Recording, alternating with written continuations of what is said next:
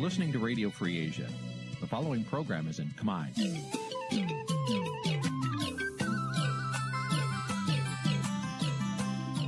នេះជាកម្មវិធីផ្សាយ Vuthu Azizi Serai នេះជាកម្មវិធីផ្សាយរបស់ Vuthu Azizi Serai ជាភាសាខ្មែរ Vuthu Azizi Serai សូមស្វាគមន៍លោកអ្នកនាងទាំងអស់ពីរដ្ឋធានី Washington នៃសហរដ្ឋអាមេរិក។ ចាប់ផ្សាយផ្ទាល់ពីរដ្ឋធានី Washington នាងខ្ញុំខែសុណងសូមជម្រាបសួរលោកនាងកញ្ញាប្រិយមិត្តអ្នកស្ដាប់និងអ្នកទស្សនាការផ្សាយរបស់វិទ្យុអាស៊ីសេរីទាំងអស់ជាទីមេត្រីចា៎នាងខ្ញុំសូមជូនកម្មវិធីផ្សាយសម្រាប់យប់ថ្ងៃពុធ2រោចខែបុស្សឆ្នាំឆ្លូវត្រីស័កពុទ្ធសករាជ2565ដែលត្រូវនៅថ្ងៃទី19ខែមករាគ្រិស្តសករាជ2022ចា៎ជាដំបូងនេះសូមអញ្ជើញលោកនាងស្ដាប់ព័ត៌មានប្រចាំថ្ងៃដែលមានមេត្តាដូចតទៅ thank you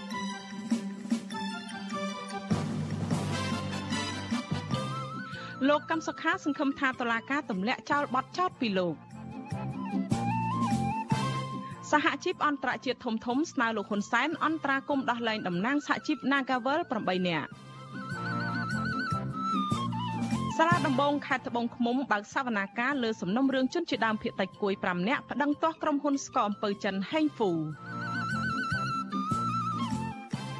ចាមន្ត្រីសង្គមស៊ីវិលបារម្ភពីភាពស្ងប់ស្ងាត់នៃការបង្ក្រាបបទល្មើសបំផ្លាញដីព្រៃលិចទឹកនៅតំបន់បឹងទន្លេសាបរួមនឹងព័ត៌មានផ្សេងៗមួយចំនួនទៀត។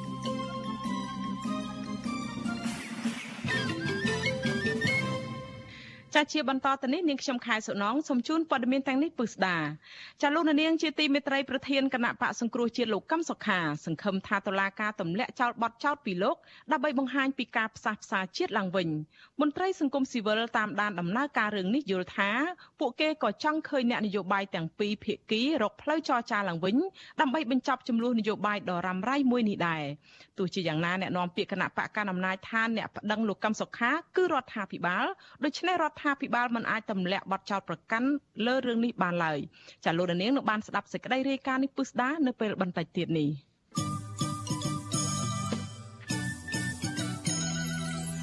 ចាលោកនាងកញ្ញាជាទីមេត្រីចាងាកមករឿងក្តីក្តាំរបស់ក្រុមកម្មករសហជីព Nagavel ឯនេះវិញសហជីព សហភាពសហជីពអន្តរជាតិនិងអង្គការគាំទ្រសហជីពចំនួន7ស្ថាប័នតំណាងឲ្យកម្មករនៅទូទាំងពិភពលោកនិងនៅកម្ពុជាផ្ញើលិខិតរួមគ្នាមួយជូនលោកនាយករដ្ឋមន្ត្រីហ៊ុនសែនដោយបង្ហាញក្តីព្រួយបារម្ភយ៉ាងខ្លាំងចំពោះការចាប់ខ្លួនថ្នាក់ដឹកនាំនិងសកម្មជនសហជីពទាំង8នាក់ដែលបម្រើការងារនៅក្រុមហ៊ុន Casino NagaWorld ពួកគេទាមទារឲ្យរដ្ឋាភិបាលកម្ពុជាដោះលែងអ្នកទាំងនោះជាបន្ទាន់ហើយទម្លាក់ចោលនៅការចោទប្រកាន់តាមផ្លូវតុលាការដោយគ្មានលក្ខខណ្ឌចាប់ពីរដ្ឋធានី Washington លោកជាតិចំណានរាយការណ៍អំពីរឿងនេះបណ្ដាអង្គការគាំទ្រសហជីពនិងសហភាពសហជីពអន្តរជាតិខាងការងារលើកឡើងនៅក្នុងលិខិតផ្ញើជូនលោកនាយរដ្ឋមន្ត្រីហ៊ុនសែនចុះថ្ងៃទី18ខែមករាថារដ្ឋាភិបាលកម្ពុជាមានកាតព្វកិច្ចគោរពតាមសំណើដែលដាក់បញ្ចូលទៅគណៈកម្មាធិការអនុវត្តស្តង់ដារស្ដីពីអនុសញ្ញាលេខ87ក្នុងសន្និសីទការងារអន្តរជាតិលើកទី109កាលពីខែមិថុនាឆ្នាំ2021ដោយចាត់វិធានការចាំបាច់ បញ្ឈប់ការចាប់ខ្លួនការឃុំខ្លួននិងការកាត់ទោសលើតំណាងសហជីពដោយសារតែធ្វើសកម្មភាពស្របច្បាប់ពួកគេសង្កត់ធ្ងន់ថាគ្មាននរណាត្រូវបានផ្ដន្ទាទោសដោយសារតែការរៀបចំអនុវត្តសិទ្ធិធ្វើកុតកម្មស្របច្បាប់នោះឡើយហើយកម្មករគួរតែទទួលបានសិទ្ធិធ្វើការតវ៉ាដោយសន្តិវិធីដើម្បីការពារផលប្រយោជន៍ការងារពួកគេជំរុញឲ្យរដ្ឋាភិបាលកម្ពុជាដោះលែងតំណាងសហជីពដែលកំពុងជាប់ឃុំទាំងអស់ជាបន្ទាន់និងទម្លាក់ចោលការចោទប្រកាន់តាមផ្លូវតុលាការដោយគ្មានលក្ខខណ្ឌ ហើយសមត្ថកិច្ចត្រូវបញ្ឈប់ការធ្វើទុកបុកម្នេញទៅលើក្រុមគឧតកោដែលធ្វើការតវ៉ាដោយសន្តិវិធីស្ថាប័នអន្តរជាតិទាំងនោះស្នើឲ្យក្រសួងការងារនិងអាជ្ញាធររាជធានីភ្នំពេញគោរពសិទ្ធិសេរីភាពរបស់ក្រុមគឧតកោនិងធានានូវការចរចាដោះស្រាយវិវាទការងារនេះដោយភាពស្មោះត្រង់រហូតដល់មានកិច្ចព្រមព្រៀងមួយរវាងភាគីទាំងពីរទន្ទឹមគ្នានេះក្រុមកម្មករ Nagawal ប្រមាណ20នាក់បានបញ្ចប់ការដាក់ញត្តិនៅស្ថានទូតចំនួន3ទៀតនៅថ្ងៃទី19ខែមករា ក្នុងនោះមានស្ថានទូតឥណ្ឌូនេស៊ីឥណ្ឌានិងសាធារណរដ្ឋឆែកដើម្បីឲ្យស្ថានទូតទាំងនោះជួយអន្តរាគមន៍ទៅរដ្ឋាភិបាលឲ្យដោះលែងតំណាងសហជីព8នាក់និងពន្លឿនដំណោះស្រាយវិវាទការងារជាមួយនឹងក្រុមហ៊ុនឲ្យបានឆាប់បុគ្គលិកនៃក្រុមហ៊ុន Nagawal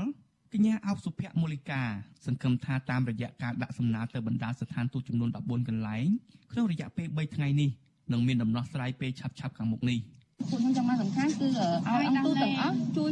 ពន្លឿននៃការដោះលែងថ្នាក់ដឹកនាំសហជីពរបស់យើងទាំងអស់ហ្នឹងដែល8រូបហ្នឹងឲ្យចេញមកវិញព្រោះពួកគាត់អត់មានកំហុសអីទេពួកគាត់បានប្រព្រឹត្តបទល្មើសអីទេអឺខាងអង្គទូតគាត់ក៏បាននិយាយថាចាំគាត់នឹងជួយពិនិត្យមើលឡើងវិញតែគាត់ក៏មិនមានសិទ្ធិអីនៅក្នុងការលូកដៃទៅក្នុងវិស័យឧស្សាហកម្មដែរតែគាត់នឹងជួយជំរុញនិងពិនិត្យមើលឡើងវិញទៅសិទ្ធិការងារ វិទ្យុអស៊ីសេរីមិនអាចសុំការឆ្លើយបំភ្លឺរឿងនេះពីអ្នកនាំពាក្យរដ្ឋាភិបាលលោកផៃស៊ីផាននិងអ្នកនាំពាក្យក្រសួងការងារលោកហេងសួរបានទេនៅថ្ងៃទី19ខែមករាដែលហៅទូរស័ព្ទចូលតែពុំមានអ្នកទទួលចំណែកសាលាដំបងរាជធានីភ្នំពេញឯណោះវិញចាក់ក្រុមស៊ើបសួរលោកអឹមវណ្ណៈបន្តការសាកសួរទៅលើសមាជិកសហជីព2នាក់គឺលោកស្រីឈឹមសុខុននិងលោកស្រីរីសុវណ្ណឌីនៅថ្ងៃទី19ខែមករាហើយមនុស្ស4នាក់ទៀតនឹងសាកសួរនៅពេលបន្ទាប់ទៀត ដោយមួយលើកមានមនុស្ស2នាក់មេធាវីការពារក្តីឲ្យក្រុមតំណាងសហជីពលោកសំចម្រើនឲ្យដឹងថាតុលាការសាកសួរគុណក្តីលោកភាគច្រើនផ្ដោតទៅលើសកម្មភាពប្រមូលផ្ដុំធ្វើកោតកម្មនឹងមុខក្រុមហ៊ុន Nagawal ដែលអាជ្ញាធរនឹងតុលាការចាត់ទុកថាជាបាតកម្មខុសច្បាប់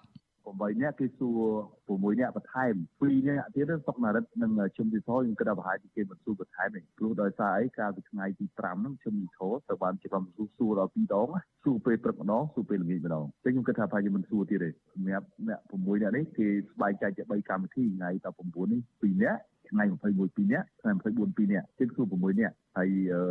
របៀបសួរហ្នឹងគឺมันខុសគ្នាទេគឺថាគឺសួរជំវិញកម្មវិធីកោតកម្មរបស់ពួកគាត់ហ្នឹងហើយកម្មវិធីពាក់ព័ន្ធមួយចំនួនខ្ញុំសូមបញ្ជាក់បានប៉ុណ្្នឹងឯណាវិទ្យុអស៊ីសេរីមិនអាចសុំការឆ្លើយតបបំភ្លឺរឿងនេះពីអ្នកនាំពាក្យតុលាការក្រុងភ្នំពេញលោកអ៊ីរ៉ានបានទេនៅថ្ងៃទី19ខែមករាដែលហៅទូរស័ព្ទចូលតែពុំមានអ្នកទទួលតាក់ទងនឹងរឿងនេះនាយករងទទួលបន្ទុកផ្នែកខ្លំមើលសិទ្ធិមនុស្សនៃអង្គការលីកាដូលោកអំសំអាតមានប្រសាសន៍ថា ការចាប់ខ្លួនតំណាងបុគ្គលិកនិងសមាជិកសហជីព8នាក់ដាក់ពន្ធនាគារកន្លងមកនេះគឺជារឿងមិនសមហេតុផលតាមផ្លូវច្បាប់នោះទេព្រោះនេះជាវិវាទការងាររួមរវាងកម្មករនិងតកែក្រុមហ៊ុនហើយការធ្វើកោតកម្មដោយសន្តិវិធីជិត1ខែនេះគឺជាការប្រើសិទ្ធិទាមទារដោះស្រាយស្របតាមច្បាប់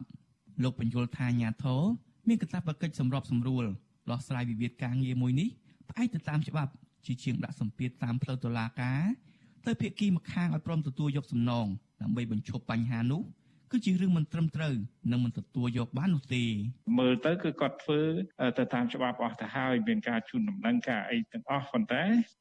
ពួកគាត់ត្រូវខ្លាយខ្លួនទៅជាការចាត់ប្រកាន់រឿងការធ្វើបាតកម្ម ខុសច្បាប់អីទៅវិញអាហ្នឹងអង្គការសង្គមស៊ីវិលមើលឃើញថាវាជាការបំពានទៅលើសិទ្ធិរបស់ពួកគាត់ហើយហេតុផលក្នុងការចាប់និងការឃុំខ្លួននេះវាជាការគម្រាមកំហែងបំផិតបំភ័យហើយនឹងបន្តិចបន្តដាក់បំបាក់ស្មារតីកុំឲ្យធ្វើកោតកម្មបន្តទៀតតែប៉ុណ្ណោះបាទគិតមកដល់ពេលនេះថ្នាក់ដឹកនាំនិងសមាជិកសហជីពនៃកម្មករ Nagawal 8នាក់កំពុងជាប់ឃុំក្នុងពន្ធនាគារព្រៃសររយៈពេល20ថ្ងៃហើយ ស្របពេលដែលក្រុមកម្មករនៅតែបន្តធ្វើកោតកម្មនៅលើផ្លូវរដ្ឋសភាទាមទារឲ្យមានការដោះលែងតំណាងពួកគេ8នាក់ឲ្យត្រឡប់មកវិញហើយក្រុមហ៊ុនត្រូវទទួលយកកម្មករជាង300នាក់ឲ្យចូលធ្វើការវិញអង្គការសង្គមស៊ីវិលដែលខ្លំមើលវិវាទការងារនេះលើកឡើងថាអញ្ញាធរត្រូវតែដោះលែងតំណាងសហជីព8នាក់ឲ្យមានសេរីភាពឡើងវិញហើយក្រសួងការងារត្រូវបន្តដោះស្រាយវិវាទនេះដោយឈរលើគោលការណ៍ច្បាប់និងភាពស្មោះត្រង់ទើបវិវាទការងាររវាងកម្មករនយោជិត ជាមួយនឹងក្រុមហ៊ុន Nagawal អាចបញ្ឈប់ទៅបានខ្ញុំបានជាជំនាញ Visual Assisray ពីរដ្ឋធានី Washington ចាលោកនាងកញ្ញាប្រិយមិត្តអ្នកស្ដាប់និងអ្នកទស្សនាការផ្សាយរបស់វិទ្យុអាស៊ីសេរីទាំងអស់ជាទីមេត្រីចានៅពេលបន្តិចទៀតនេះយើងនឹងមានសម្ភារផ្ទាល់មួយជាមួយអ្នកនយោបាយជើងចាស់ម្នាក់ដែលធ្លាប់មានឈ្មោះល្បីខាងផ្លាស់ប្ដូរគណៈបកនយោបាយជាញឹកញយលោកធ្លាប់ជាមន្ត្រីជាន់ខ្ពស់នៃគណៈបកហ្វុនស៊ិនពេជ្រជាអគ្គស្នងការរងនគរបាលជាតិពាក់ផ្កាយ3 ជាអ្នកដណ្ដើមគណៈបកជាតិខ្មែររបស់លោកសំរងស៊ីបានដោយជោគជ័យជាអ្នកនយោបាយបម្រើលោកហ៊ុនសែនទីបំផុតទៅ អ្នកនយោបាយនោះត្រូវបានអាជ្ញាធរលោកហ៊ុនសែនតាមចាប់ខ្លួននិងប្តឹងប៉ូលីសអន្តរជាតិអង្គតពលឲ្យជួយតាមចាប់ខ្លួនពីបទចាប់ចម្រិតមនុស្សថែមទៀតផង ចាត់លោកនាងនៅចាំទេថាតើអ្នកនយោបាយនោះជានរណាហើយលោកនឹងមានអ្វីយកមកបកស្រាយចាលោកជួនច័ន្ទបតនឹងមានសម្ភារមួយជាមួយអ្នកនយោបាយនោះនៅក្នុងការផ្សាយរបស់យើងនារាត្រីនេះចាសូមលោកនាងរងចាំតាមដានទស្សនាកិច្ចសម្ភារនេះកុំបីខានឡើយចា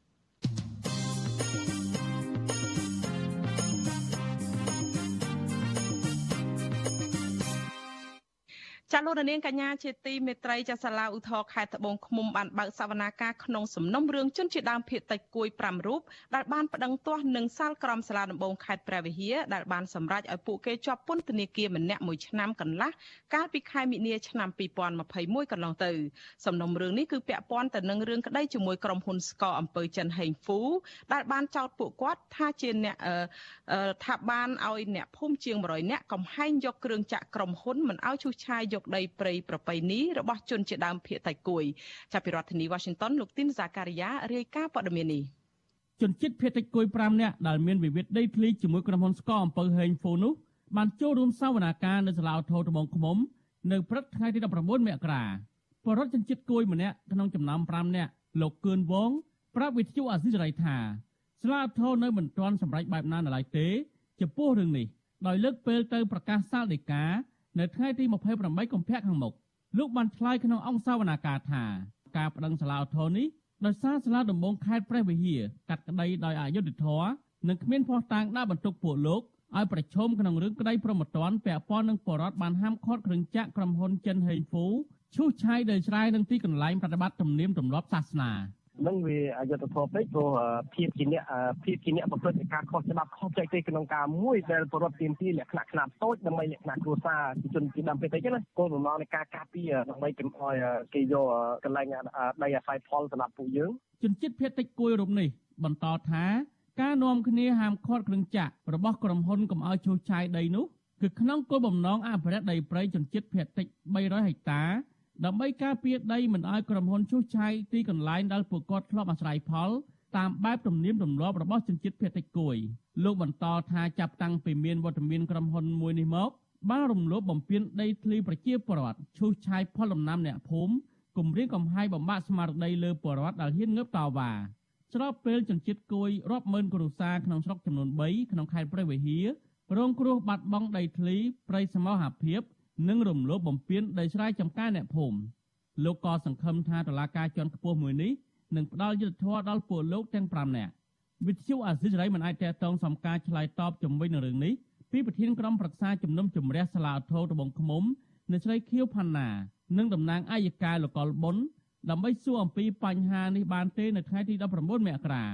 ប៉ុន្តែនៅស្រីខៀវផាន់ណាថ្លែងក្នុងអង្គសាវនាការបង្គាប់ឲ្យជនជាប់ចោតបង្ហាញពីសិទ្ធិកាន់កាប់ដីធ្លី រៀបរាប់ពីសាវតារឿងដែលបរដ្ឋនាំគ្នាទាមទារដីធ្លីនិងការហាមឃាត់គ្រឿងចាក់របស់ក្រុមហ៊ុន និងមូលហេតុដែលក្រុមហ៊ុនមិនព្រមផ្ដល់សំណងដល់ដើមបណ្ដឹងលោកគឿនវងនិងជនជាតិគួយ4នាក់ទៀតបានប្តឹងទាស់ទៅសាលាឧទ្ធរត្បូងឃ្មុំក្រោយពេលសាលាដំបងខេត្តព្រះវិហារកាលពីខែមីនាឆ្នាំ2021បានប្រកាសសាលក្រមឲ្យពលលោកចាញ់ក្តីក្នុងសំណុំរឿងវិវាទដីធ្លីជាមួយក្រុមហ៊ុនស្កអំពើចិនដែលប្តឹងពួកលោកពីបទកំហែងយកគ្រឿងចាក់ និងធ្វើឲ្យខូចខាតដោយចេតនាតឡាការខេត្តព្រះវិហារក៏បានបង្គាប់ឲ្យពួកលោកបង់សំណង5លានរៀលក្នុងម្នាក់ទៅក្រុមហ៊ុននិងផ្តន្ទាទោសឲ្យជាប់ពន្ធនាគារ1ឆ្នាំ6ខែប៉ុន្តែទោសនេះត្រូវព្យួរលោកគឿនវងចាត់ទុកសេចក្តីសម្រេចនេះថាជារឿងអយុត្តិធម៌និងលើកទឹកចិត្តឲ្យក្រុមហ៊ុនចិនរំលោភបំពានដីធ្លីប្រជាសហគមន៍ជនជាតិភេតិចគួយនិងឈូសឆាយធនធានព្រៃឈើបំផ្លាញផលដំណាំអ្នកភូមិជុំវិញនឹងរឿងនេះ មេធាវីការពារក្តីឲ្យជនជាតិភេតិចគួយលោកសេកសុភ័ណ្ឌមានប្រសាសន៍ថាការចោទប្រកាន់របស់តំណាងអัยការខេត្តព្រះវិហារកន្លងទៅពីបទកំហែងយកគ្រឿងចាក់និងធ្វើឲ្យខូចខាតដោយចេតនានោះគឺជារឿងអយុត្តិធម៌លោកបន្តថាការចោទប្រកាន់បែបនេះមិនមានអង្គហេតុត្រឹមត្រូវក្នុងការដាក់បន្ទុកឲ្យកូនក្តីរបស់លោកប្រឈមនឹងរឿងក្តីប្រមត្តននិងផ្ដាល់សំណងរដ្ឋបវេនីដល់ដើមបណ្ដឹងនោះទេព្រោះពួកគាត់ជាជនរងគ្រោះដែលបាត់បង់ដីធ្លី មិនមែនតែរឿងគាត់3 4នាក់ហ្នឹងទេហើយបើសិនជាការផ្ដាល់យុត្តិធម៌ឲ្យគាត់ណាជាជនរងគ្រោះទៅវិញបាទត្រូវសងដីត្រូវអីគាត់វិញការដាក់បន្ទុកចោទប្រកាន់លើគាត់ឲ្យទទួលខុសត្រូវព្រមត្តនហើយឲ្យសងរឿងរដ្ឋប្រវេណីទៅតាមមិនដឹងទៀតជារឿងអយុត្តិធម៌សម្រាប់កូនប្តីជុំវិញនឹងរឿងនេះនាយកប្រតិបត្តិអង្គការបន្លកខ្មែរលោកពឹកសុភ័ណ្ឌមានប្រសាសន៍ថាការហាមឃាត់គ្រឿងចាក់របស់ក្រុមហ៊ុនដែលរំលោភបំពានដីប្រជាសហគមន៍អ្នកភូមិបានហាមឃាត់ជាច្រើនលើកច្រើនសារមកហើយ ប៉ុន្តែអាជ្ញាធរខ្វះនីតិវិធីក្នុងការរំដោះស្រាយប្រកបដោយតម្លាភាពលោកបន្តថាការចោទប្រកាន់របស់តុលាការខេត្តព្រះវិហារ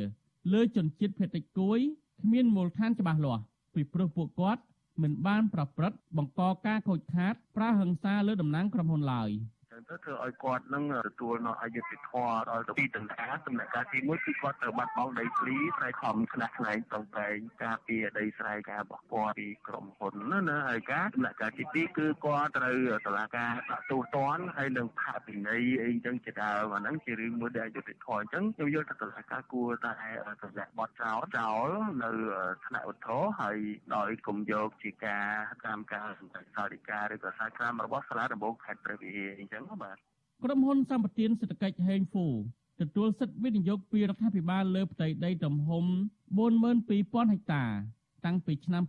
2011ដើម្បីវិនិយោគដាំអំពៅនិងកៅស៊ូក្រុមហ៊ុននេះជាក្រុមហ៊ុនមេនិងមានបទសម្ព័ន្ធក្រុមហ៊ុនចំនួន5ទៀតការវិនិយោគរបស់ក្រុមហ៊ុននេះបានធ្វើឲ្យប៉ះពាល់ដល់ជនជាតិដើមភាគតិចប្រមាណជា2000គ្រួសារ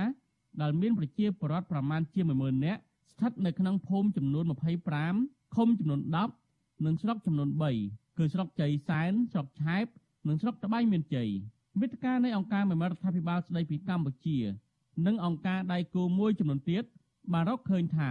ក្រុមហ៊ុនបានឈូសឆាយប៉ះពាល់ដីស្រែពលរដ្ឋឈូសឆាយលុបប្រភពទឹកដែលជាផ្លូវទឹកធម្មជាតិសម្បូរដោយមច្ឆជាតិនិងបានឈូសឆាយទៅលើដីទួលប្រាសាទបុរាណ4កន្លែង និងស្ថានីយ៍បុរាណផ្សេងផ្សេងទៀត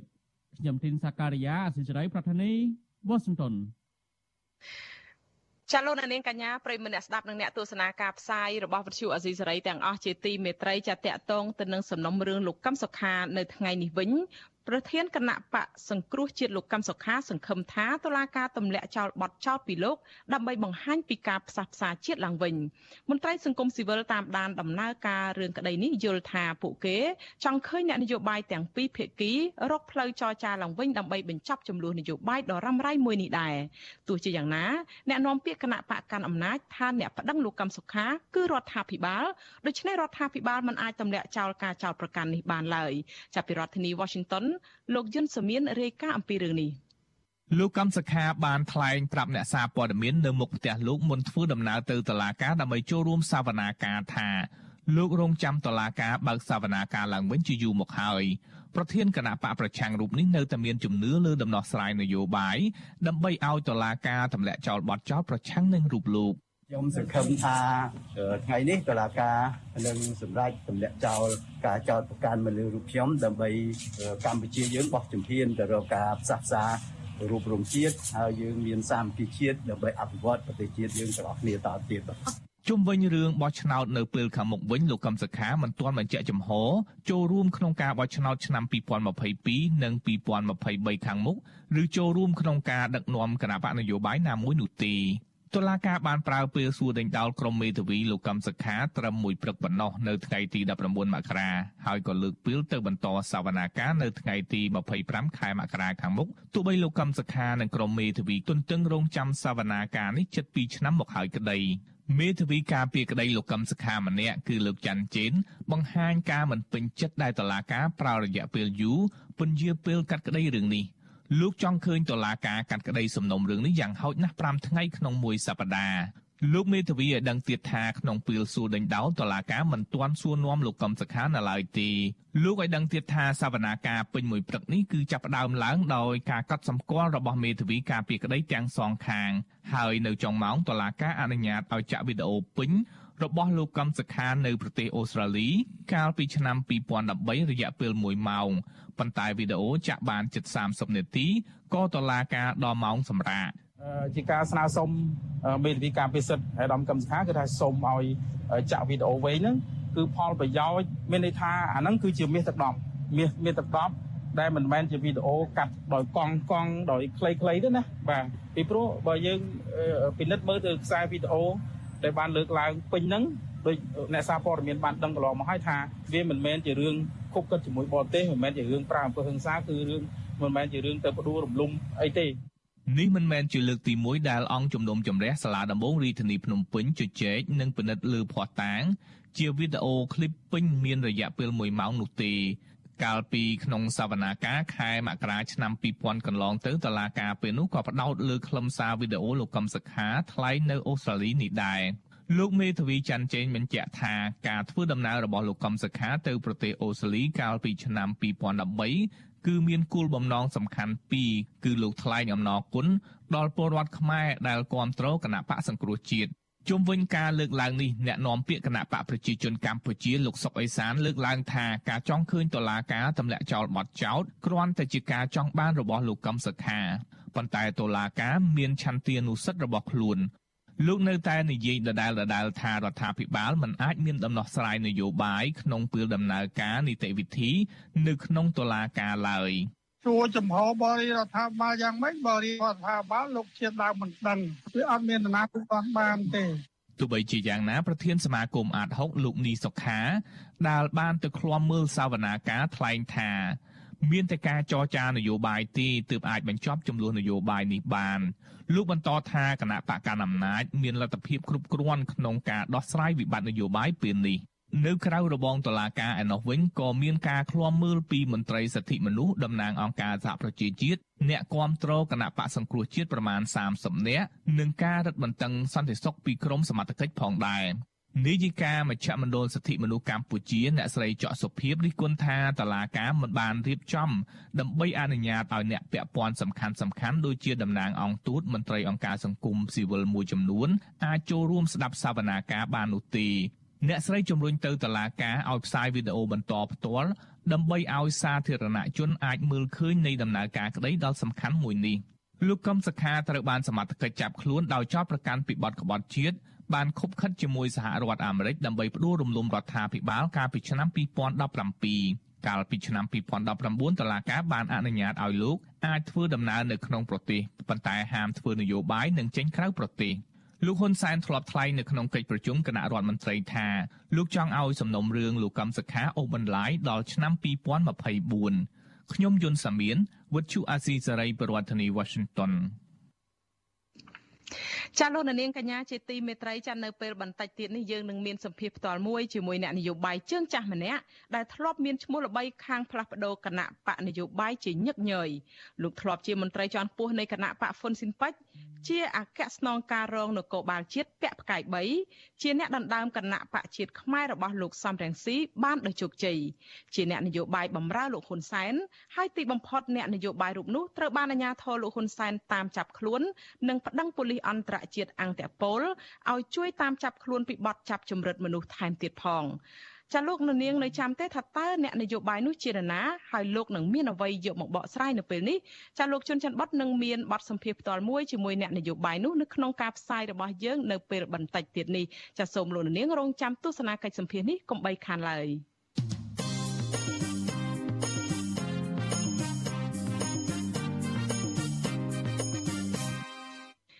ចាលោកនាងកញ្ញាជាទីមេត្រីចាងាកមករឿងដំណើរការចុះបញ្ជីឈ្មោះបោះឆ្នោតឯនេះវិញគណៈកម្មាធិការជាតិរៀបចំការបោះឆ្នោតហៅកាត់ថាកោជបបានបិទបញ្ចប់ទទួលពាក្យប្តឹងហើយក្រោយពេលពលរដ្ឋនិងគណៈបកនយោបាយខ្លះ មិនសូវចាប់អារម្មណ៍ទៅឃ្លាំមើលដំណើរការពិនិត្យបញ្ជីឈ្មោះបោះឆ្នោតនាយកប្រតិបត្តិអង្គការ Netflix លោកសំគុណធីមីឲ្យដឹងថាពលរដ្ឋខ្លះនិយាយជាចំហថាពួកគាត់មិនខ្វល់ទៅនឹងថាមានឈ្មោះឬគ្មានឈ្មោះទេព្រោះពួកគាត់ជាប់រវល់រកស៊ីហើយគ្មានពេលទៅពិនិត្យបញ្ជីឈ្មោះបោះឆ្នោតនោះឡើយម្យ៉ាងទៀតគឺដោយសារតែគាត់ដឹងថាគណៈបកណានឹងត្រូវឈ្នះឆ្នោតរួចទៅហើយដូច្នេះពលរដ្ឋថាពួកគាត់មិនចាំបាច់ទៅពិនិត្យមើលបញ្ជីឈ្មោះបោះឆ្នោតក៏បានដែរទោះជាយ៉ាងណាលោកសំគុណធីមីថាកោជបគួរតែរកយន្តការបន្ថែមទៀតដើម្បីជំរុញឲ្យពលរដ្ឋមានភាពសកម្មនៅក្នុងការទៅពិនិត្យមើលបញ្ជីឈ្មោះបោះឆ្នោត លោកបន្តថាចំនួននយោបាយនៅតែជាកត្តាសំខាន់ដែលធ្វើឲ្យពលរដ្ឋមិនចង់ទៅពិនិត្យមើលបញ្ជីឈ្មោះបោះឆ្នោតកោជបបានបិទបញ្ចប់ការទទួលនិងការដោះស្រាយពាក្យបណ្ដឹងក្នុងដំណាក់កាលនៃការបិទផ្សាយបញ្ជីឈ្មោះបោះឆ្នោតដំបូងនិងបញ្ជីឈ្មោះអ្នកដែលត្រូវលុបឈ្មោះកាលពីថ្ងៃទី14ខែមករាក្រោយពេលទទួលបានពាក្យប្តឹងសរុបចំនួន36បណ្ដឹងដែលសុទ្ធសឹងតែជាបណ្ដឹងតវ៉ា ដោយឡែកនៅថ្នាក់កោជបវិញទទួលបានពាក្យបណ្ដឹងតែមួយករណីគត់គឺសំណុំរឿងរបស់ពលរដ្ឋចំនួន5នាក់សូមរក្សាទុកឈ្មោះបោះឆ្នោតនៅសង្កាត់ផ្សារចាស់ខណ្ឌដូនពេញដដែលដោយពួកគេបដូរទីលំនៅទៅសង្កាត់ស្ទឹងមានជ័យមួយខណ្ឌមានជ័យ កោជបបានបើកសវនាការនេះរួចហើយកាលពីថ្ងៃទី18ខែមករាម្សិលមិញដោយសម្រេចរក្សាតម្កល់ការសម្រេចរបស់ក្រុមប្រឹក្សាសង្កាត់ផ្សារចាស់ក្នុងការលុបឈ្មោះពលរដ្ឋចំនួន5នាក់ដដែលដោយសំអាងថាពួកគេបានផ្លាស់ប្តូរទីលំនៅថ្មី។ ចំណែកនៅថ្នាក់ក្រមប្រឹក្សាធម្មនុញ្ញវិញពុំទទួលបានពាក្យបណ្ដឹងតាក់ទងទៅនឹងការបិទផ្សាយបញ្ជីឈ្មោះបោះឆ្នោតឆ្នាំ2021នេះទេពាក់ព័ន្ធទៅនឹងបណ្ដឹងនេះដែរកោជបចាត់ទុកថាតួលេខ36បណ្ដឹងបង្ហាញពីប្រសិទ្ធភាពនៃក្រមការងារចោះឈ្មោះបោះឆ្នោតដែលបានយកចិត្តទុកដាក់លើការងារនេះទើបពុំសូវមានកំហុសឆ្គងប៉ុន្តែផ្ទុយពីការអះអាងនេះក្រុមអ្នកឃ្លាំមើលសង្កេតឃើញថាពលរដ្ឋមិនសូវចង់ចូលរួមនិងមិនចាប់អារម្មណ៍ចំពោះដំណើរការពិនិត្យបញ្ជីឈ្មោះបោះឆ្នោតនេះទេ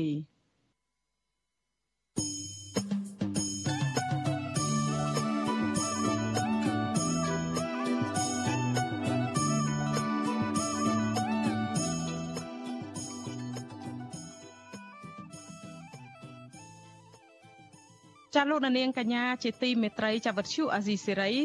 ដែលលោកនាងដែលកំពុងតែទស្សនាការផ្សាយរបស់យើងតាមបណ្ដាញសង្គម Facebook និង YouTube នេះយើងក៏មានការផ្សាយតាមវិទ្យុរលកធាតុអាកាសខ្លីឬ Shortwave តាមកម្រិតនិងកម្ពស់ដូចតទៅនេះចាប់ពេលព្រឹកចាប់ពីម៉ោង5កន្លះដល់ម៉ោង6កន្លះតាមរយៈរលកធាតុអាកាសខ្លី9390 kHz ស្មើនឹងកម្ពស់ 32m និង11850 kHz ស្មើនឹងកម្ពស់ 25m ពេលយប់ចាប់ពីម៉ោង7កន្លះដល់ម៉ោង8កន្លះតាមរយៈរលក ធាតុអាកាសខ្លី9390 kHz ស្មើនឹងកម្ពស់ 32m និង15155 kHz ស្មើនឹងកម្ពស់ 20m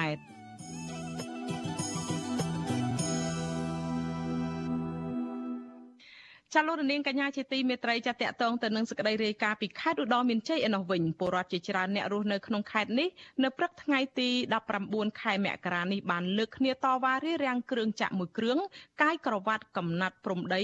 ប៉ះពាល់ទៅដល់ដីស្រែចម្ការរបស់អ្នកភូមិជាច្រើនហិកតា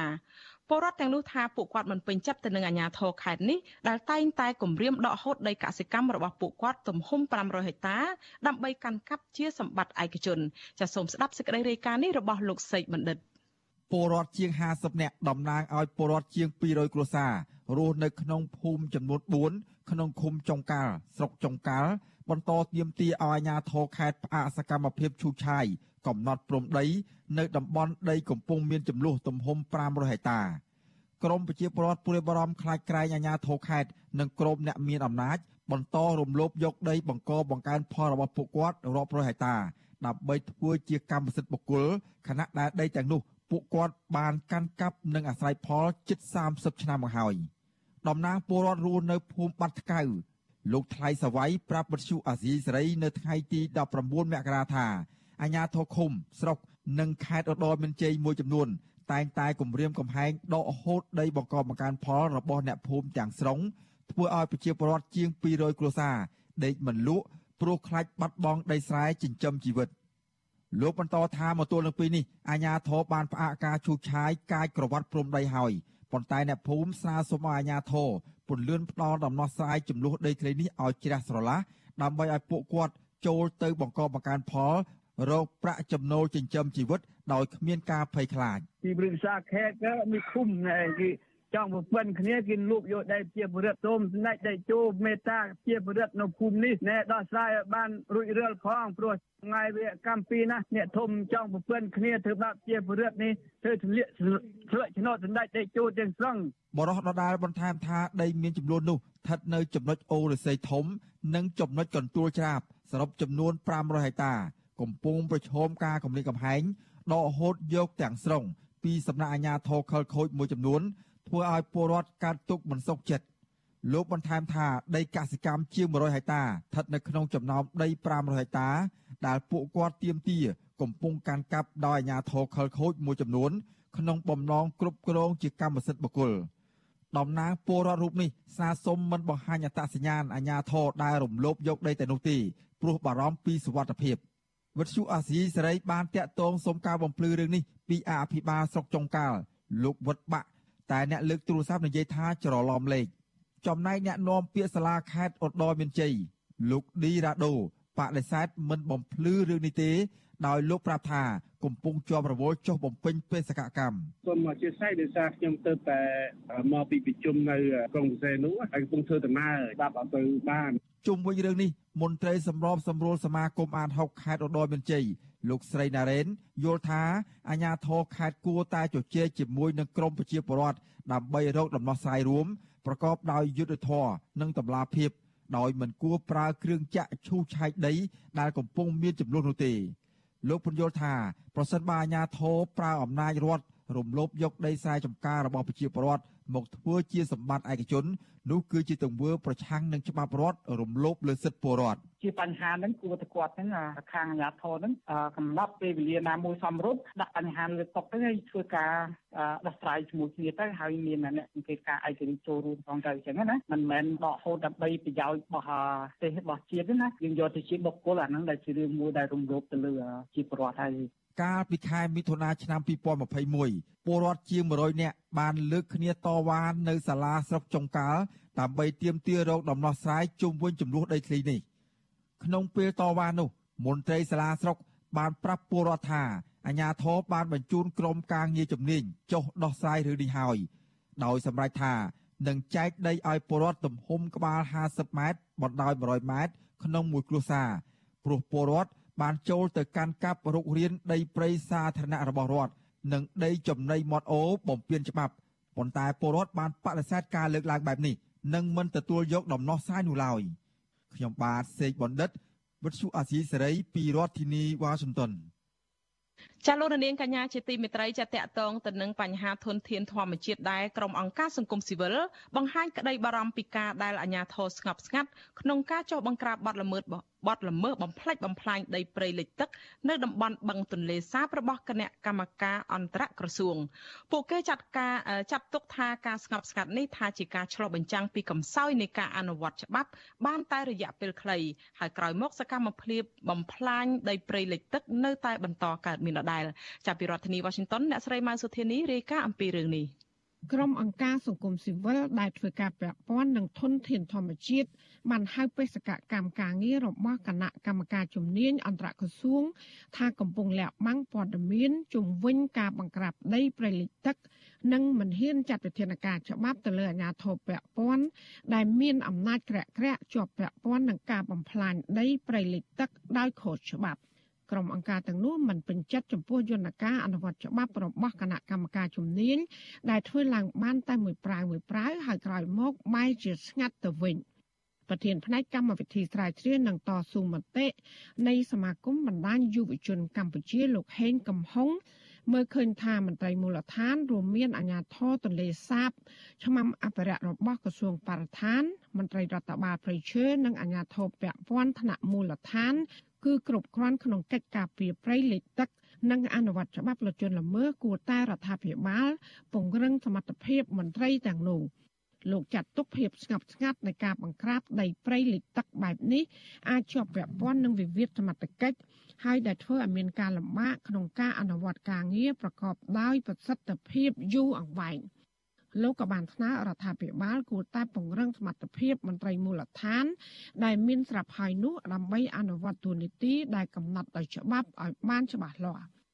ការអនុវត្តមួយដែលមានប្រសិទ្ធភាពគឺការអនុវត្តរយៈពេលវែងហើយអនុវត្តមានភាពបតិកលាគ្នារហូតទៅដល់បិទបញ្ចប់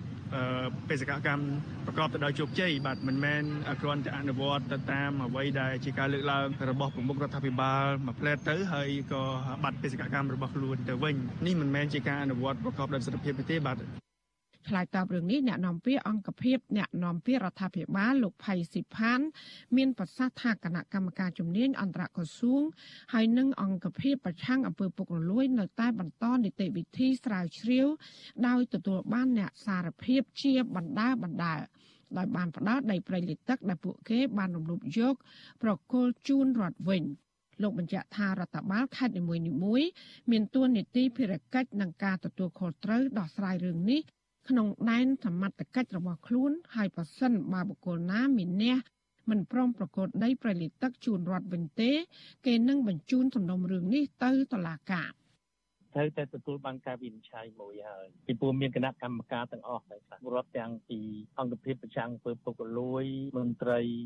ដែលខាងជួរថ្នាក់ខេត្តរហូតទៅដល់គ្រប់ មូលដ្ឋានទាំងអស់អ្នកណាដែលរឹងរូសនឹងបញ្ញាហ្នឹងគឺនឹងទទួលបានការដាក់ពិន័យឬការការវិនិច្ឆ័យរបស់តុលាការណា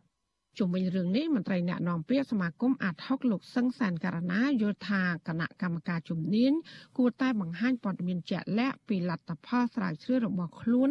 ដើម្បីកុំឲ្យបរដ្ឋមានមន្ទិលសង្ស័យពីចំណាត់ការរបស់រដ្ឋាភិបាលដែលធ្វើឡើងគ្រាន់តែល្អមើល លោកក៏បានស្នើរដ្ឋាភិបាលត្រូវពង្រឹងសមត្ថភាពមន្ត្រីថ្នាក់មូលដ្ឋានបន្ថែមទៀតឲ្យយកចិត្តទុកដាក់បង្ក្រាបបទល្មើសដីព្រៃលិចទឹកជៀសវាងរងចាំបញ្ជារបស់ថ្នាក់ដឹកនាំម្ដងម្កាលរួចក៏ស្ងាត់ទៅវិញ។ ចំណាត់ការហាក់ដូចថាគ្រាន់តែធ្វើឲ្យតបានអីម្ដងម្កាលអញ្ចឹងហើយក៏បញ្ចប់ទៅទាំងច្បាប់មានហើយមិននាំគ្នាអនុវត្តឲ្យបានជាប់លាប់ទេតតែចាំមានការបង្កើតគណៈកម្មការតតែមានការបញ្ជាពីថ្នាក់លើអីជាដើមទាំងអស់នេះខ្ញុំគិតថាការធ្វើបែបនេះมันមានប្រសិទ្ធភាពគ្រប់គ្រាន់ក្នុងការទប់ស្កាត់និងការពារធនធានទាំងអស់នឹងឲ្យបានគង់វង្សបានទេបាទ កាលពីថ្ងៃទី20ខែធ្នូតុលាការខេត្តបន្ទាយមានជ័យបានសម្រេចឃុំខ្លួនមេឃុំភ្នំលៀបលោកអែមណុយជាបណ្ដោះអាសន្នពីបទកាប់ឆ្ការឈូសឆាយហុំព័ទ្ធកាន់កាប់ដីប្រៃលីទឹកផ្អែកតាមមាត្រា98នៃច្បាប់ជលផល ហើយដែលប្រព្រឹត្តនៅតំបន់3ស្ថិតនៅក្នុងភូមិកំពង់ក្រសាំងនិងភូមិក្របបៅក្នុងឃុំភ្នំលៀបស្រុកបណិតព្រះកាលពីឆ្នាំ2017ដល់ឆ្នាំ2021 ដោយឡែកកាលពីរសៀលថ្ងៃទី19ខែធ្នូសាលាដំបងរាជធានីភ្នំពេញក៏បានសម្រេចឃុំខ្លួនស្នងការរងនគរបាលខេត្តកំពង់ឆ្នាំងលោកស៊ុំសុជាតិ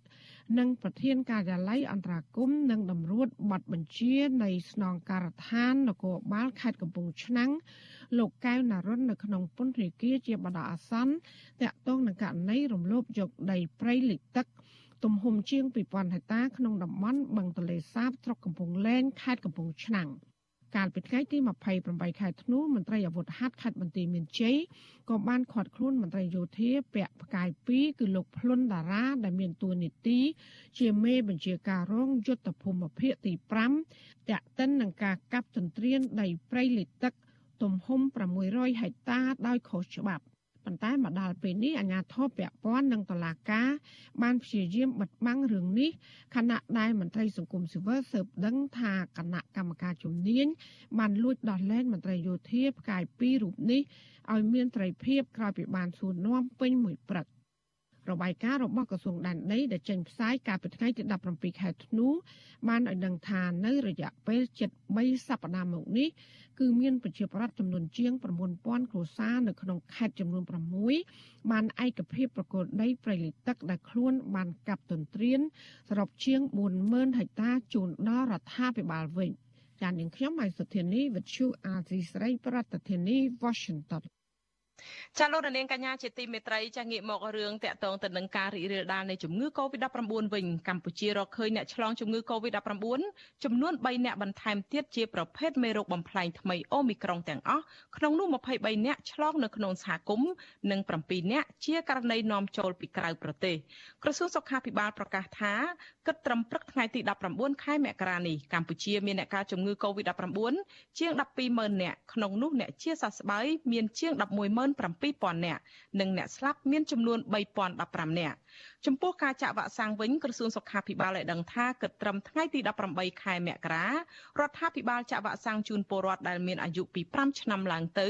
បានជាង14លាន3សែននាក់សម្រាប់ដូសទី1ខណៈដូសទី2បានជាង13លាន7សែននាក់និងដូសទី3បានជិត4លាន8សែននាក់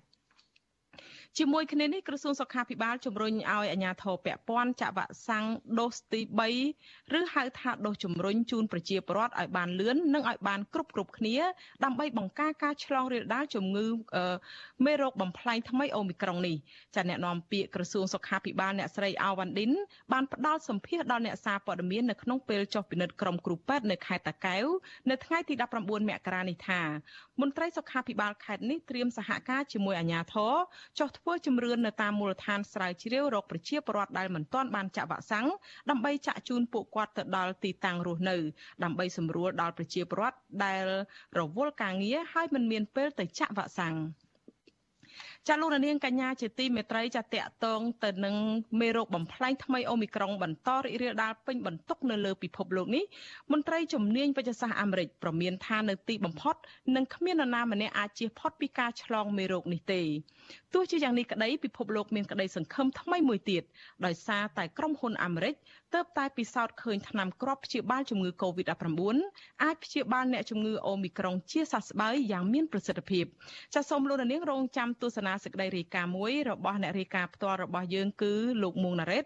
ដែលនឹងចូលខ្លួនមករាយការណ៍អំពីការវិវត្តថ្មីនៃការរីករាលដាលនៃជំងឺ Covid-19 នេះនៅក្នុងការផ្សាយរបស់យើងនៅពេលបន្តិចទៀតនេះចា៎ចាលោកនាងកញ្ញាជាទីមេត្រីរឿងដាច់ដោយឡែកមួយទៀតអតីតអ្នកជាប់ឃុំក្នុងសំណុំរឿងគ្រឿងញៀនអះអាងថាមន្ត្រីពន្ធនាគារខេត្តត្បូងឃ្មុំ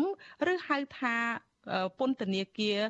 មាត់ខ្មុងប្រព្រឹត្តអំពើពុករលួយ និងរំលោភសិទ្ធិអ្នកជាប់ឃុំធ្ងន់ធ្ងរជាងពន្ធនាគារនៅរាជធានីភ្នំពេញទៅទៀត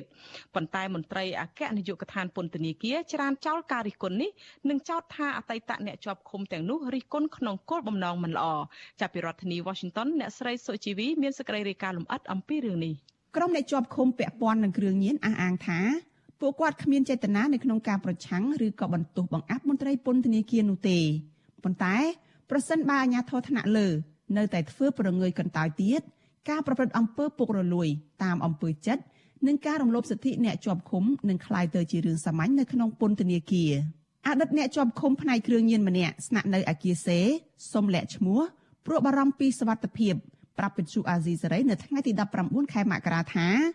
អ្នកជាប់ឃុំក្រីក្រ រស់នៅវេទនាណាស់នឹងក្លាយជាអតិថិជនរបស់ឈ្មួញនិងមន្ត្រីពន្ធនាគារលោកឲ្យដឹងថាអ្នកជាប់ឃុំខ្លះមានលុយបានសោកប៉ាន់មន្ត្រីពន្ធនាគារដើម្បីឡើងងារជាប្រធានបន្ទប់ឬក៏សែបទើបមានសិទ្ធិចាត់ចែងអ្នកជាប់ឃុំនៅក្នុងបន្ទប់នោះលោកបន្តថាសែបនោះហើយ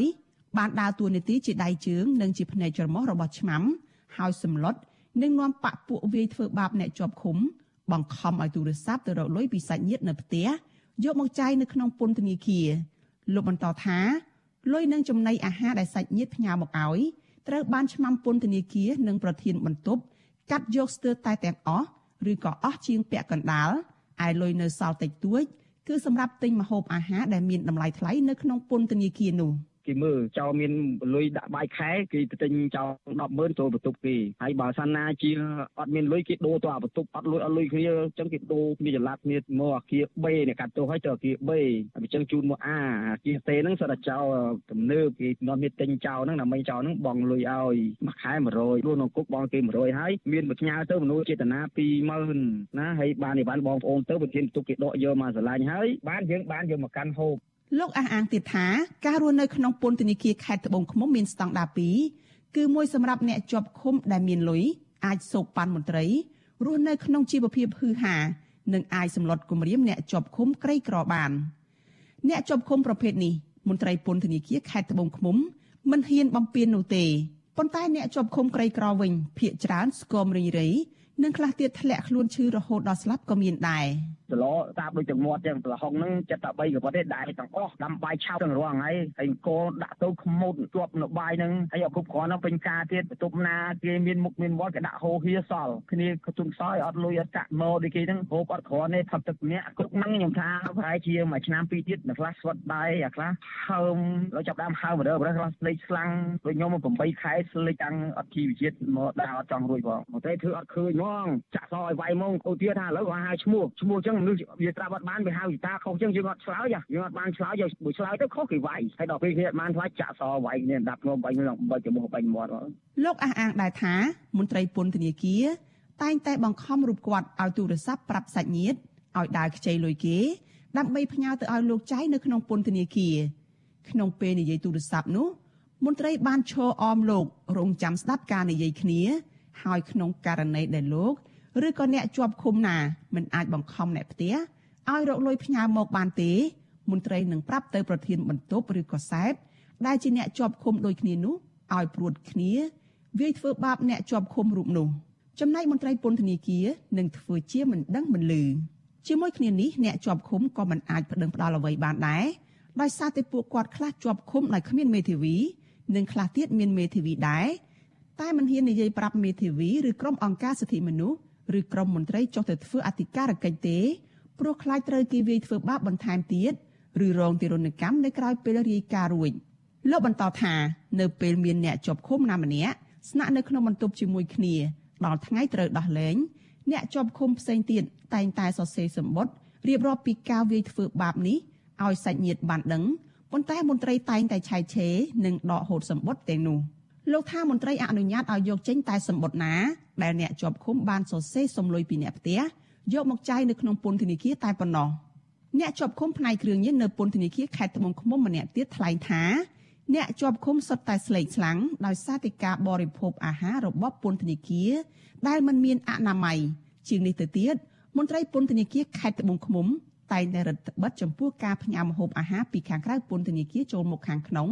ដោយអះអាងថាគ្មានអនាម័យដើម្បីបង្ការជំងឺឆ្លងឬក៏ដោយសារបញ្ហានេះបញ្ហានោះជាដើម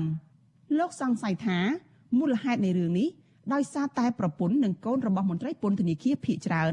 រាប់ចាប់តាំងពីប្រពន្ធប្រធានពន្ធនាគារមកសុទ្ធតែមានតូបលក់អាហារតូបសេវាផ្ញើលុយនៅក្នុងពន្ធនាគារនោះ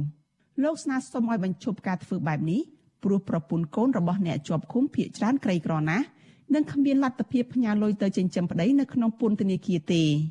យើងពេញពីគេឲ្យទៅបានវាថោកពេញទៅ4 5ម៉ឺនទៅបានហូបបានចប់ទៅដល់ពេលទៅដល់ក្នុងនោះថ្លៃគុណ1ជា2អញ្ចឹង4 5ម៉ឺនអត់មានបានអីទេដល់ពេលធ្វើអញ្ចឹងវាហួសហេតុពេកវាសកលអ្នកទោសពេកអញ្ចឹងបានមិនឲ្យទិញពីគេឲ្យទៅផងពីមុនទិញទៅបានដល់ពេលឥឡូវអត់ឲ្យទិញពីគេឲ្យទៅឲ្យទិញនៅក្នុងនោះហើយក្នុងនោះថ្លៃ1ជា2ដល់ពេលធ្វើអញ្ចឹងដូចបិទសិតវាពេកតែទោះជាយ៉ាងណាអ្នកជាប់ឃុំក្រីក្រខ្លះ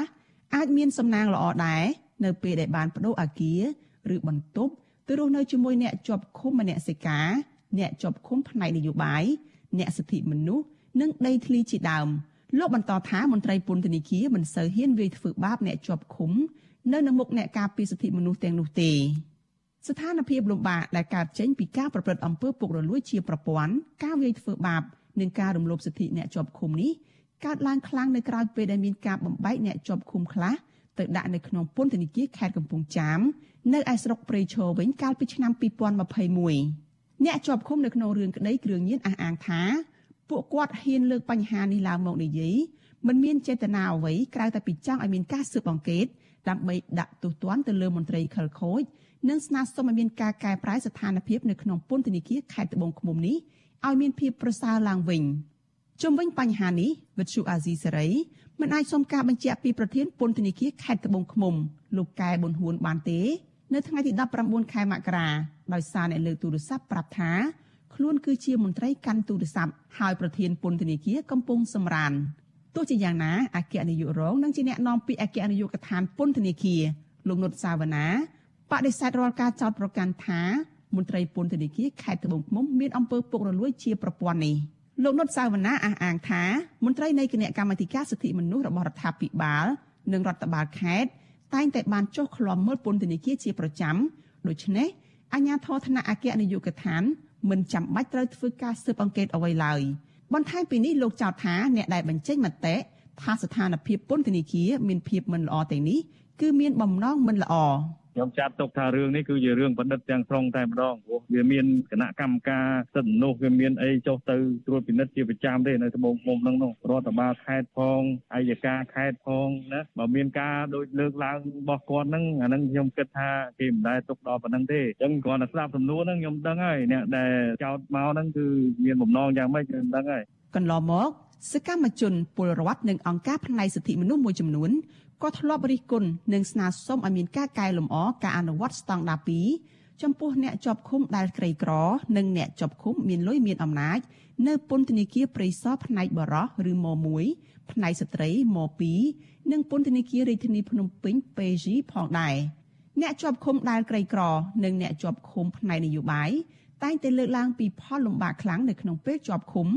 ទាំងការរើសអើងការប្រព្រឹត្តអំពើពុករលួយភាពចង្អៀតណែន និងការមិនបញ្ជូនអ្នកជាប់ឃុំទៅសម្រាប់ព្យាបាលនៅមន្ទីរពេទ្យជាដើមដែលខុសគ្នាពីមេខ្លោងជួញដូរគ្រឿងញៀនទ្រង់ទ្រាយធំឬអ្នកជាប់ឃុំអក្រិតកម្មធំធំ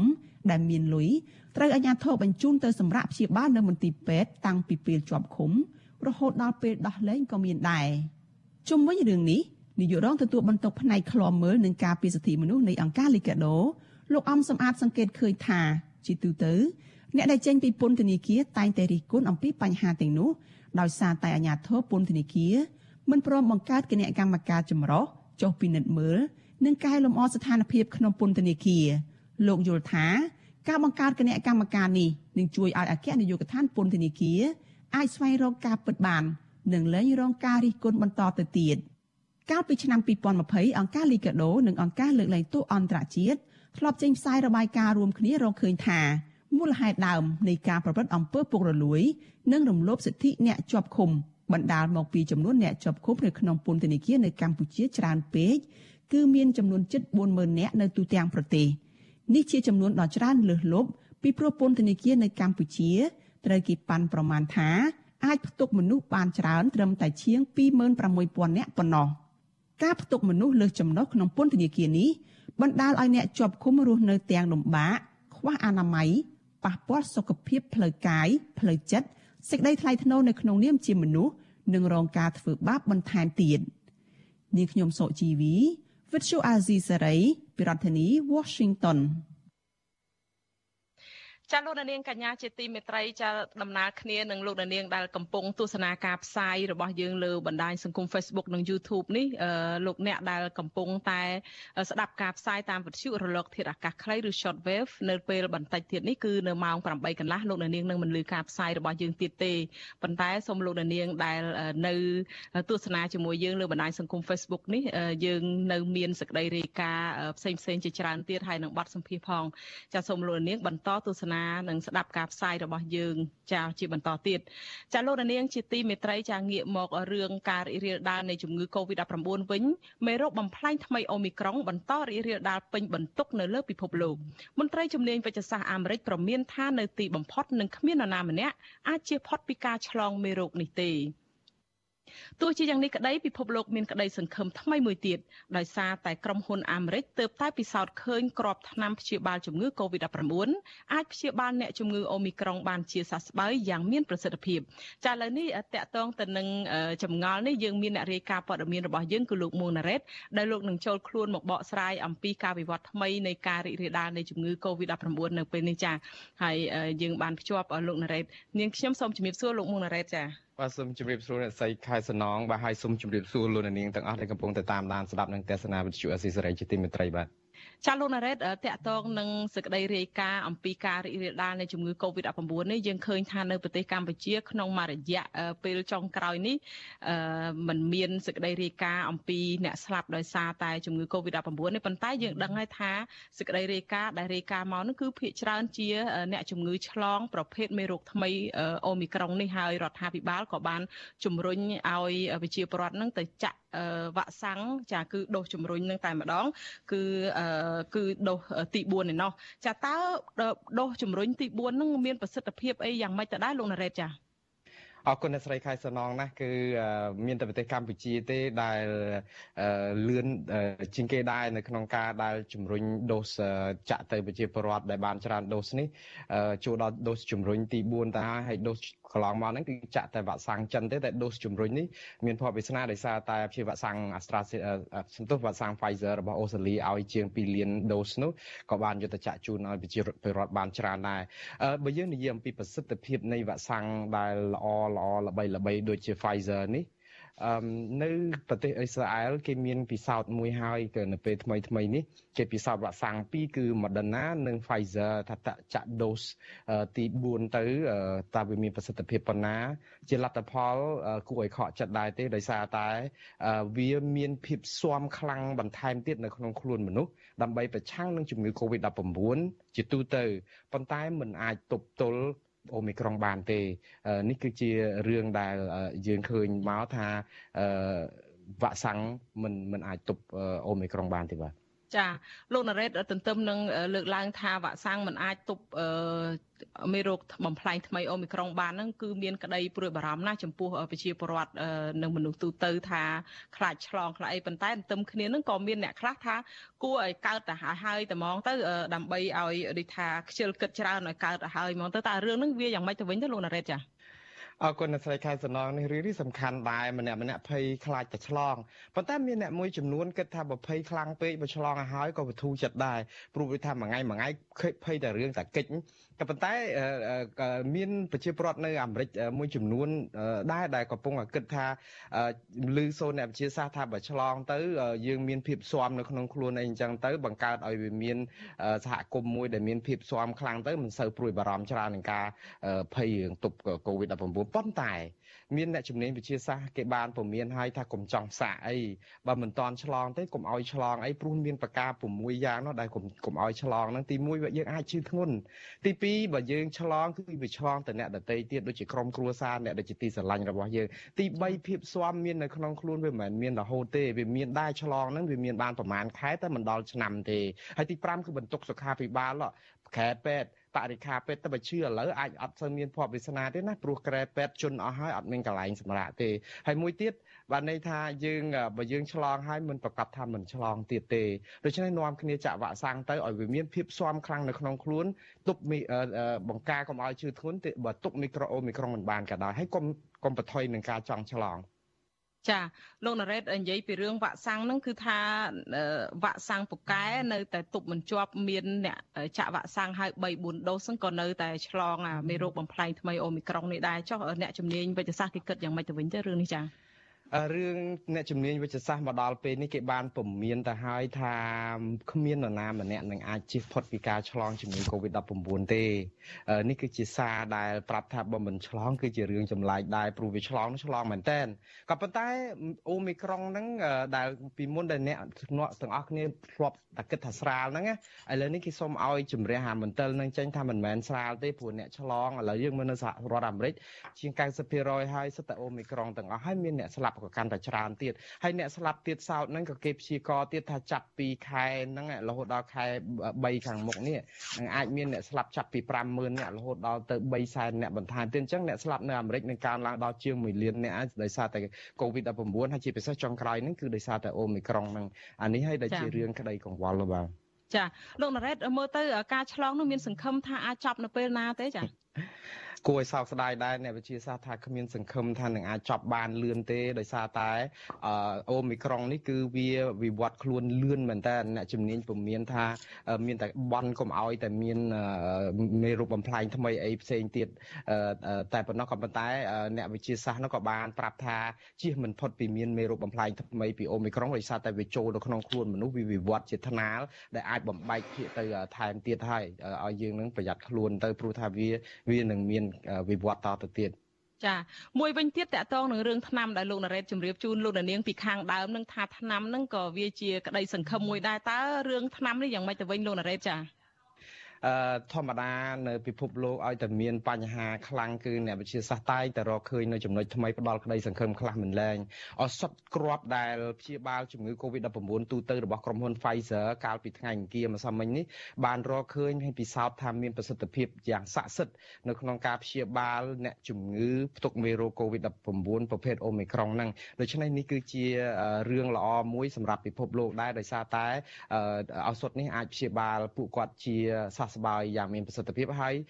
ខាងឱសថនិងចំណីអាហាររបស់អាមេរិកនោះក៏បានផ្ដល់ភាពស្របច្បាប់ឲ្យប្រើប្រាស់ឱសថនោះនៅអាមេរិកទៅហើយទៅហើយដែរបាទ ចាចុងក្រោយលោកណារ៉េតខ្លីទេតើវិធានការរបស់ពិភពលោកយ៉ាងម៉េចទៅវិញបើសិនជាដោយលោកណារ៉េតបានលើកឡើង ពីរឿងថាទាំងវ៉ាក់សាំងមានថ្នាំមានអីហើយឥឡូវនេះរឿងមេរោគបំផ្លាញថ្មីនេះគឺវាស្រួចស្រាវបំផុតហើយហើយដែលធ្វើឲ្យប្រជាពលរដ្ឋនឹងមានក្តីបារម្ភថាតើលោកណារ៉េតមានអ្វីលើកឡើងពីវិធានការរបស់ពិភពលោកចា៎ អរគុណអ្នកស្រីខែសំណងយើងឃើញថាវិធានការរបស់ពិភពលោកនៅពេលនេះសស័កសស្រាំខ្លាំងជាងមុនផងជាពិសេសឥឡូវគេពង្រឹងមើលគុណភាពម៉ាស់ម៉ាស់ដែលណែនាំនឹងគឺឲ្យពាក់ N95 អីអញ្ចឹងមួយទៀតគឺធ្វើតេស្តរហ័សនឹងគឺជំរុញខ្លាំងមែនតើនៅសហរដ្ឋអាមេរិកនេះតេស្តរហ័សនេះគឺចែកជូនដែលអត់គិតប្រាក់ឲ្យប្រជាពលរដ្ឋអាមេរិកមានភ័ព្វវាសនាណាស់ដោយសារតែ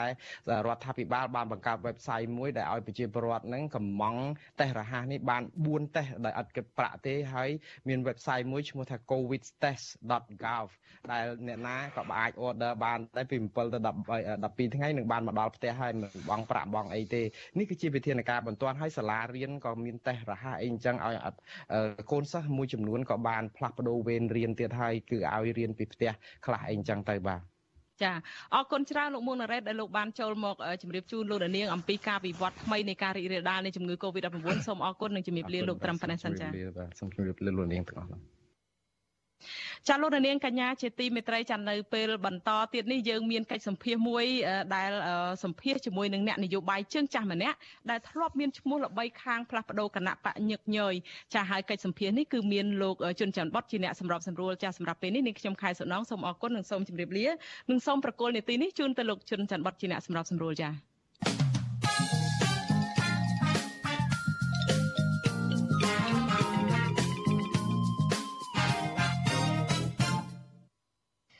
បាទផ្សាយផ្ទាល់ពីរដ្ឋធានី Washington ខ្ញុំបាទជួនច័ន្ទបុតស៊ូមជម្រាបសួរលោកអ្នកនាងកញ្ញានិងប្រិយមិត្តទាំងអស់ជាទីមេត្រី បាទជាបន្តទៅទៀតនេះគឺជាកម្មវិធីផ្សាយបន្ថែមរបស់ Azizi Saray នៅលើបណ្ដាញសង្គម Facebook និង YouTube សម្រាប់រាត្រី